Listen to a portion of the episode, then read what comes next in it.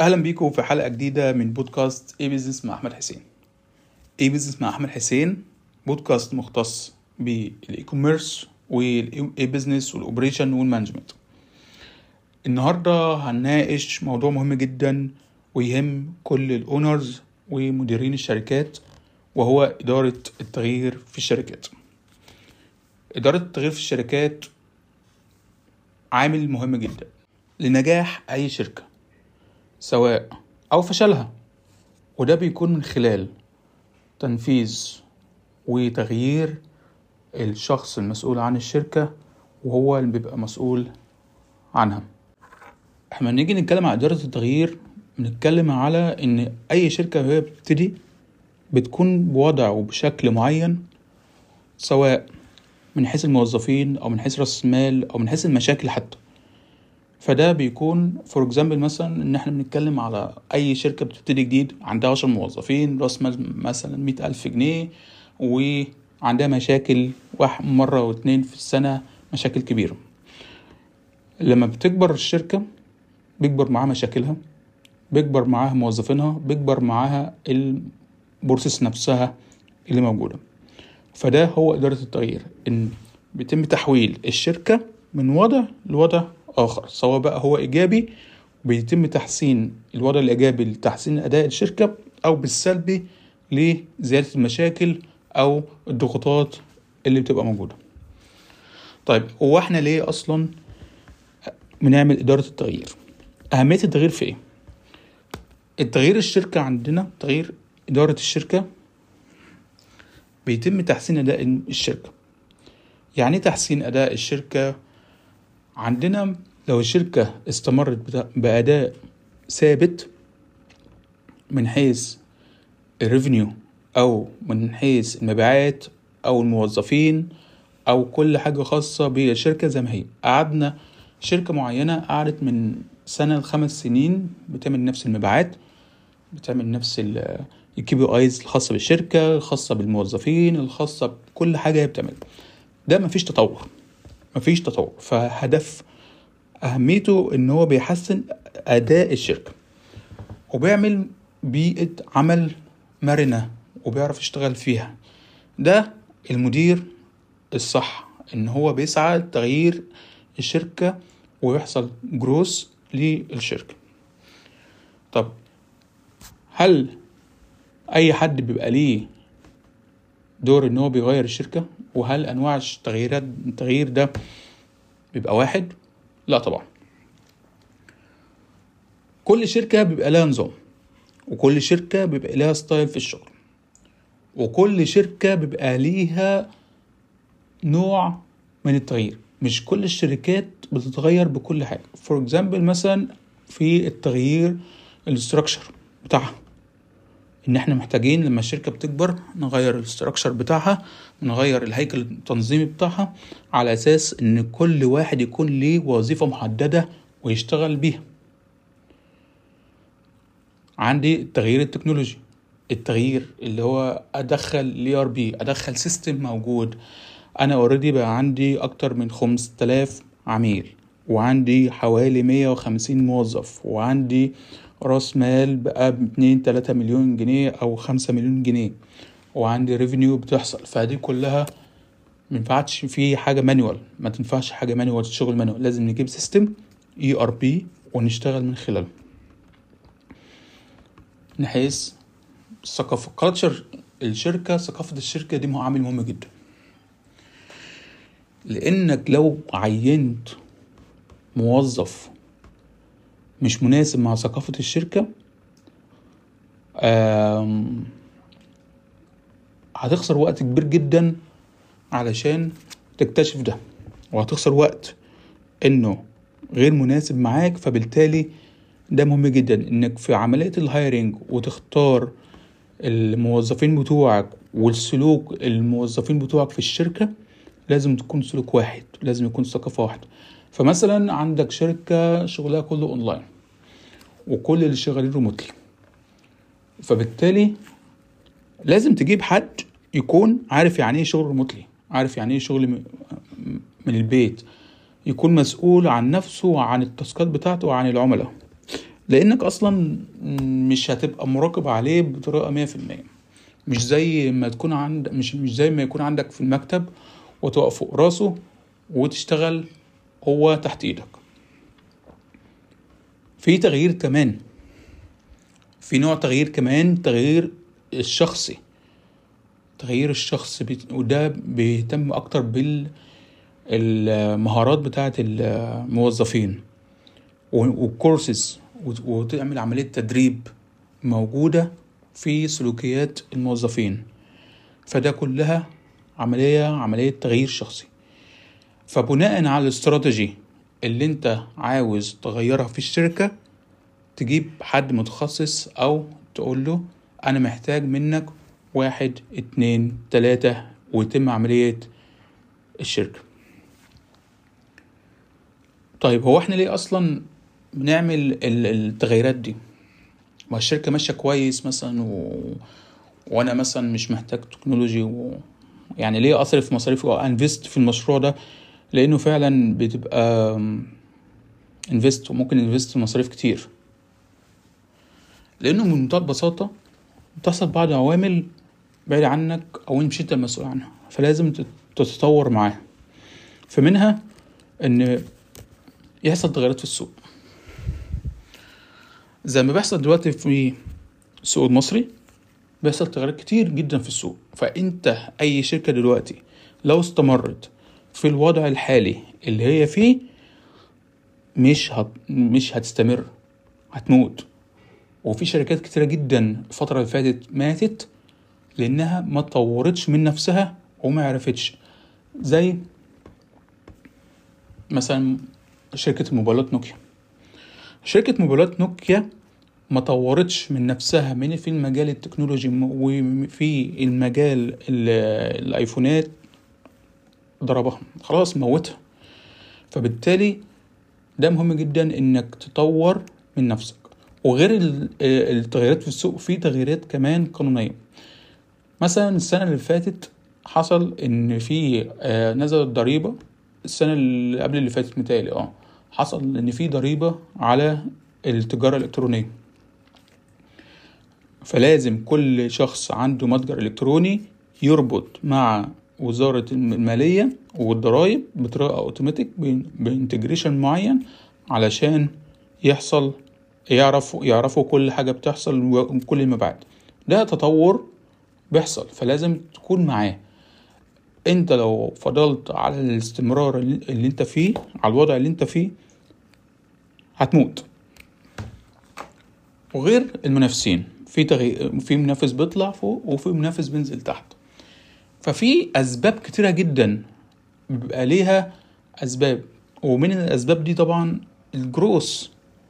يعني أنت أنت مثلا بتبيع بنسبة ب break even مثلا عشرين في المية فعاوز توصل الشركة بتاعتك تبيع break even مثلا خمسة وتلاتين وتعمل جروس معين من عشرين في المية لخمسة وتلاتين في المية مبيعات خلال السنة دي. فدي كلها موجودة. بس قبل ما تاخد قرار إنك إنك عشان توصل للوضع الجديد لازم يكون في tools لازم يكون في أدوات للمسؤول أو للمدير اللي هيشتغل عليه سواء الموظفين أو ال system أو ال product أو أي حاجة تانية مختصة بشغلك فأنت لازم مسؤول عنها. طيب لما نيجي نتكلم عن مثلا امازون امازون عملت ثورة في المجال التكنولوجي.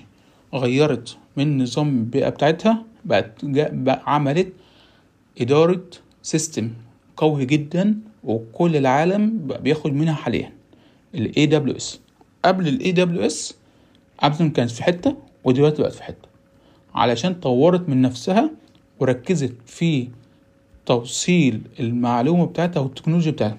وفي مجال التجارة الإلكترونية بقت الشحن أسرع بقى بتفتح أكتر من سوق ووضعها بقى مستمر ومنافس وبقى كل الناس عاوزة تبقى زي أمازون.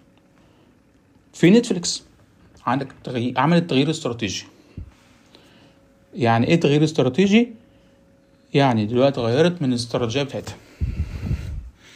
نتفليكس أول ما فتحت كانت بتعمل ال stream بتاعها أو اللي إحنا بنقول عليها الأفلام والمسلسلات بتاعتها من خلال الأونلاين.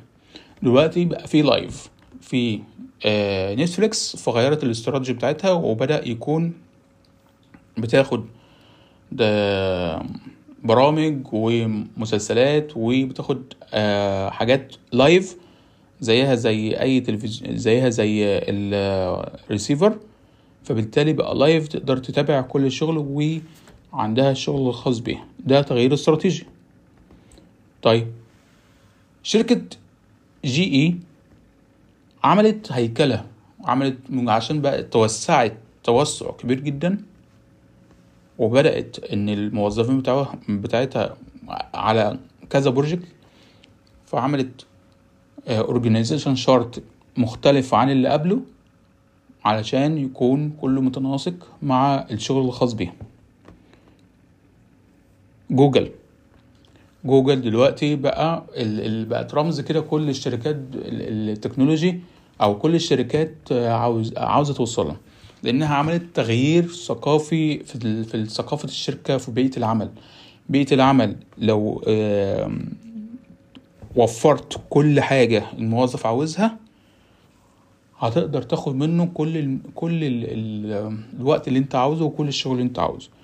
دلوقتي جوجل بقت مهتمة جدا ببيئة العمل على الإبداع والتفكير وال creative وكل مكان في كل مقر موجود في جوجل على مستوى العالم في أدوات للإبداع وفي أماكن للنوم وفي أماكن للعب وفي أماكن للترفيه وفي أماكن للأمهات وفي أماكن في أماكن لده كله ليه؟ علشان عار... و...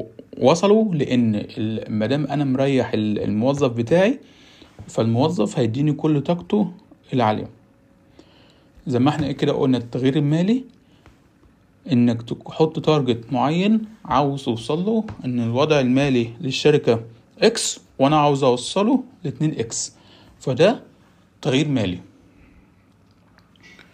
فده مهم جدا إن إحنا نختار أي نوع من اللي إحنا عاوزين نعمله. لو قلنا collection وكله package واحد صعب.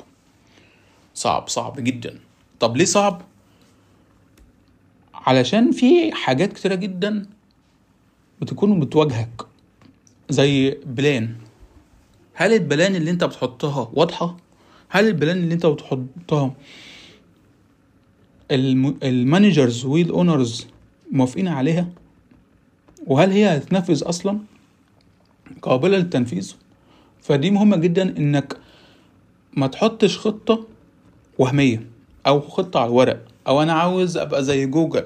فوفروا لي واحد اتنين تلاتة أربعة. والواحد اتنين تلاتة أربعة دي صعب. زيادة عن ميزانية الشركة مش موجودة في البلد اللي أنت فيها. على حسب كل شركة. خليك واضح ومنطقي في البلان اللي أنت بتعملها الخاصة بالتغيير.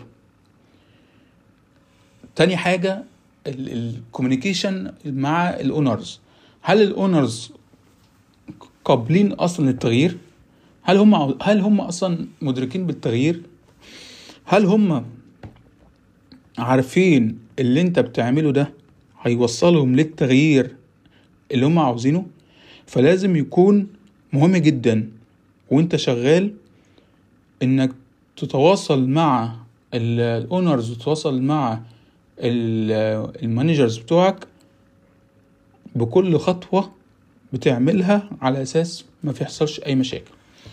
ما يحصلش أي مشاكل يقولك يعني أنت ما بتعملش ده ليه واللي أنت بتعمله كده. بس أهم حاجة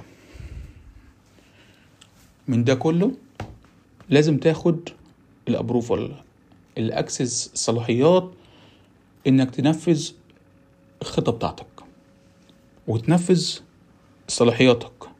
إنك مدير للشركة X فأنت مسؤول عن الشركة X فأنت جاي عشان تغير الشركة X فأنت ما تتنازلش عن صلاحياتك إنك تنفذ الخطة دي بالتعاون مع المديرين والاونرز لازم تفهمهم النقطة دي كويس جدا. لأنك لو ما فهمتهمش هيحصل تخبط. يحصل تخبط كويس جدا. طيب هو إيه اللي هيحصل وقت ما انت شغال أصلا. هيحصل اولا مقاومة للتغيير بطريقة غير طبيعية من الموظفين قبل المديرين. عندك انت دخلت شركة بتشتغل manual بتشتغل بمكالمات بتشتغل بالواتس بتشتغل بكل حاجة من غير أي tools فأنت لما تيجي تقول لهم إحنا نوقف الكلام ده كله وهنشتغل بطريقة automation وهنشتغل ب system علشان نعرف كل واحد شغال إزاي وبت- وبتشرح لهم. في ناس هتتقبل النقط دي وفي ناس مش هتتقبلها. وهتقاوم هتقاوم مقاومة كبيرة جدا. فبالتالي ال- الموظفين لازم تشاركهم وتشرح لهم كل نقطة أنت بتعملها علشان يكونوا معاك.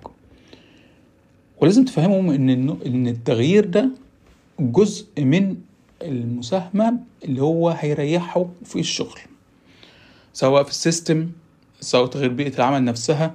يعني مثلا ممكن تغ... ممكن ت... يا جماعة كلكم إيه روحوا البيت وخلاص هنغير غيرنا طريقة ال culture بتاعتنا الثقافة بتاعتنا هنخليها من الشغل من البيت بدل من المكتب. في ناس بتقول لك لا أنا عاوز من المكتب. في ناس مش هتعرف تشتغل من المكتب. فأنت مهم جدا إنك تاني نقطة التواصل. التواصل من المهام المش... اللي بتوصل آه، الحل قبل المشكلة. إنك مهم جدا تشرح وتفهم كل مش... كل موظف عندك أنت بتعمل كده ليه ولصالحه قبل لصالح الشركة. تمام؟ عشان ما ت... عشان تتجنب أي مشاكل وأي مقاومة بتحصل فيه وأنت بتنفذ مشروعك. أحيانا وبالذات في الوطن العربي عندنا لو النتيجة ما ظهرتش في خلال فترة معينة صغيرة هيقول لك أنت آه، ما نفذتش اللي إحنا اتفقنا عليه فإيه آه خلاص مشروعك انتهى. لازم تشرح وتتفاوض. طيب. عندك م... عندك مشكلة تانية انت ممكن ما تقدرش تنفذ الخطة بتاعتك. ما فيش أي ما فيش أي تولز معينة عندك وللشركة فبالتالي لازم وانت بتحط البلان زي ما قلت كده انك تحط بلان قادرة على التنفيذ وقابلة على إدارة التغيير بجد. لأن لازم الدعم والتولز وكل حاجة خاصة موجودة تكون متاحة معاك. قبل التنفيذ. ده تلات تحديات انت لو عديتهم هتعرف ننفذ المشكلة أو التغيير أو تحل المشاكل اللي بتواجهك في الشركة عندك. وهي المقاومة بتاعة الموظفين قبل المديرين التواصل وعدم القدرة على التغيير ال plan اللي انت حاططها. فكل النقط دي مرتبطة ببعض فلازم تكون خطة واضحة ومتوافق عليها جميع أطراف ال managers وال owners ويتم معرفتها بالموظفين اللي هيشتغلوا تحت إيدك وتكون بوقت ثابت ومعين. إحنا دلوقتي عاوزين نحط plan ونبدأ ننفذ ال plan ونعرضها على ال owners ونعرضها على الموظفين الباقيين معانا. نعمل إيه؟ إزاي نبدأ نحط plan لإدارة التغيير في الشركة؟ أول حاجة المفروض تعملها إنك تحلل وتقيم الشركة وكل نقطة موجودة عندك. هتقعد فترة من الوقت تتابع كل point وكل حدث وكل event وكل task بتحصل في الشركة. وتسأل وتقعد مع الموظفين وتسألهم أنتوا بتعملوا إيه النقطة دي بتحصل إزاي وكده. طول ما انت شغال بتعرف الوضع الحالي عامل إزاي بتعرف الوضع الحالي وبت analyze في دماغك وتكتب وتعرف نقط الضعف ونقط القوة في كل point في كل قسم موجود. لأنك في الآخر لازم تحدد المشكلة اللي موجودة في الشركة وبناء عليها تبدأ تصلحها في البلان اللي انت هتحطها. التحليل والتقييم من أهم النقط اللي موجودة في أثناء وضع الخطة. تاني نقطة عندنا إن هي بنحط خطة واضحة. هتحط عندك التحليل اللي انت عملته وتبدأ تفكر هتحل كل المشاكل أو كل ال points اللي أنت عملتها. for example مثلا اللي أنت عندك عندك خمسين شخص موظف وعندك آه عاوزين نعمل جروس للمبيعات. ده تغيير مالي وتغيير آه تكنولوجي فبالتالي لازم نعمل system يريح بين الموظفين قبل المديرين. وكمان نعرف من خلاله كل ال KPI وكل ال documentation اللي بتحصل بين الموظف وبين العميل. فبالتالي مفيش أوراق تضيع مفيش أي حاجة reports تضيع وتطلع reports فده كله حلول. لو في شركة كبيرة تشتغل من غير system فأنت بتحط لها system وليس system تكنولوجي فقط كمان. في system عمل. ال system العمل هي طريقة الشغل. إن بدل ما كان ال task بتروح للموظف الأول والتاني والتالت والرابع والخامس كده في هسل في الوقت وهسل في التاسكات وهسل في ال- التوظيف. طب ليه ما نعملش حل؟ من الموظف الأول للخامس على طول. أنت وخبرتك وأنت في شغلانتك اللي أنت بتقدر تعملها. حل المشاكل في الشركات دي نقطة قوة عندك ونقطة أي أونر للشركة عاوزك علشانها. فطول ما أنت جبت المشكلة وجبت الحل بتاعها أنت موجود علشان تحل مشاكل. علشان تطور الشركة علشان تعمل جروس للشركة. البلان بتاعتك لازم تكون هدفها الرئيسي تطوير الشركة وتحسين أداء العمل وتحسين أداء الموظفين وتسهيل العمل عليهم. لو أنت ما عملتش الكلام ده يبقى أنت وجودك ملوش لازمة. وجودك يبقى حبر على الورق. في أفكار كتيرة جدا لتنفيذ الخطة بس إحنا بنقولها مبسطة المرحلة بعد ما حطينا الخطة وعملنا الايز وإحنا بنكتب هننفذ ننفذ الخطة ننفذ التغيير. وأثناء تنفيذ الخطة لازم يكون زي ما إحنا قلنا كده بال approval من ال owners ولازم يكون معاك دعم. لازم دعم. ما ينفعش ان انت عاوز تطور قسم معين. اولا القسم ده مش عاوزك أصلا تيجي جنبه. أو يكون المدير مش في ظهرك. لأن زي ما إحنا اتفقنا كده هيقابلك مقاومة كبيرة من بعض الموظفين اللي انت مش عاوز تغير. لأنه بعض منتهى بصراحه منتهى الصراحة لأنه ممكن يحس إنك جاي توقف شغله. أو ممكن يقول آه أنا ما عادش ليا لازمة في الشركة دي فالسيستم مثلا هيجي يوقف شغلي أو أنا مش آه أو أو هيقلل مرتبي. ده بالعكس تماما. التغيير في الشركة معناه إنك بتطور الموظف عندك كمان. طول ما أنت بتغير في الشركة طول ما أنت بتطور في الموظف إلا إذا الموظف مش عاوز يتغير وغير قابل للتغيير يبقى ده نقطة جديدة. نعمل له KPI لوحدها وممكن نعمل حلقة جديدة تانية خالص على ال KPI الموظفين. لأن بناء على ال KPI اللي إحنا هنحطها مع بعض هنعرف إن الموظف ده فعلا ماشي على ثقافة الشركة ولا شغال من دماغه ومش عاوز يشتغل ومش عاوز حد يقرب من شغله. خي... كانه كأنه آه وده من أنواع الموظفين اللي هو بي بيحس إن هو ضعيف. بس هو فعلا هو هو وبيبان إن هو قوي. بس هو عادي. هو لازم يحط في دماغه أنا بنفذ task وال task دي بتتعمل على system بتتعمل بره system هي ال task بتاعتي محدش يقدر يقرب لها. ممكن التاسكات تتغير. بوجود التغيير. لو اتغيرت التاسكات وأنا غير قابل لتنفيذ هذه والموظف غير قابل لتنفيذ هذه التاسكات يبقى الموظف غير قابل إن هو يكمل الشغل معانا.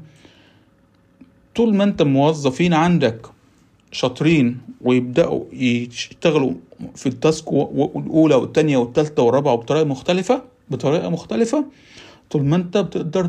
تطور الموظفين وتعلي الإنوفيشن والابتكار عندك ودي النقطة اللي إحنا مفتقدينها في مصر وبعض الدول التطوير ليس فقط في الشركة لا التطوير في الموظف فالمقاومة هي اللي هتكون سبب ممكن نقول آه عدم قدرتك على التنفيذ. طيب نحلها إزاي؟ نحلها بالتحفيز. تحفيز المقا... تحفيز المقاومة عكسها على طول. التحفيز عكس المقاومة على طول. لازم اولا توفر له المعلومات الكافية للموظف إنه هيكون معاك وهتكون آه عمود من عمدان الشركة. وده هيبقى فعلا مش مجرد كلام وخلاص. تاني حاجة هنريحه. هنغير علشان ترتاح.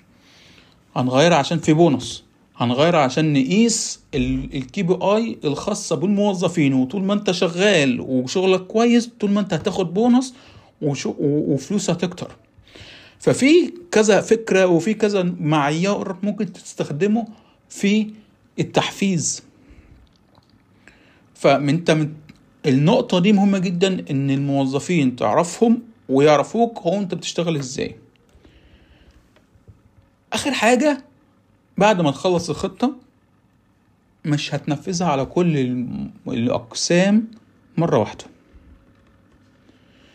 هتنفذ جزء جزء وهتحلل وهتشوف ال ال ال كل قسم موجود هل هو مرتبط بالقسم التاني ولا لأ. بعد ما تنفذ كل الأقسام مع بعض وتنفذ الخطة بتاعتك كاملة في فترة معينة للتقييم الخطة وتقييم الأداء الخاص بالخطة التغيير. انت منتهى اللحظة ممكن يحصل مشكلة أثناء عملية التغيير. يحصل process معينة وفي ال workflow إن, إن, إن أنت مكنتش عاوز تحصل بالطريقة دي. أو المدير مش عاوزة توصل بالطريقة دي. أو الإيميل بيتبعت بطريقة غلط بطريقة automation مثلا.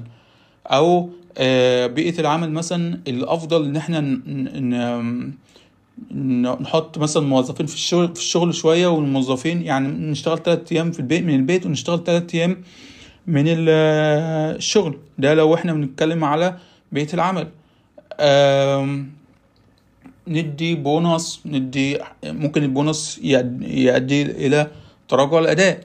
فدي كل بوينتس دي كلها أنا بديك أمثلة ممكن تحصل أثناء التقييم في الشغل بتاعك. تقييم الشركة. في تقييم الأداء وأنت بعد ما حطيت الخطة واشتغلت وكده.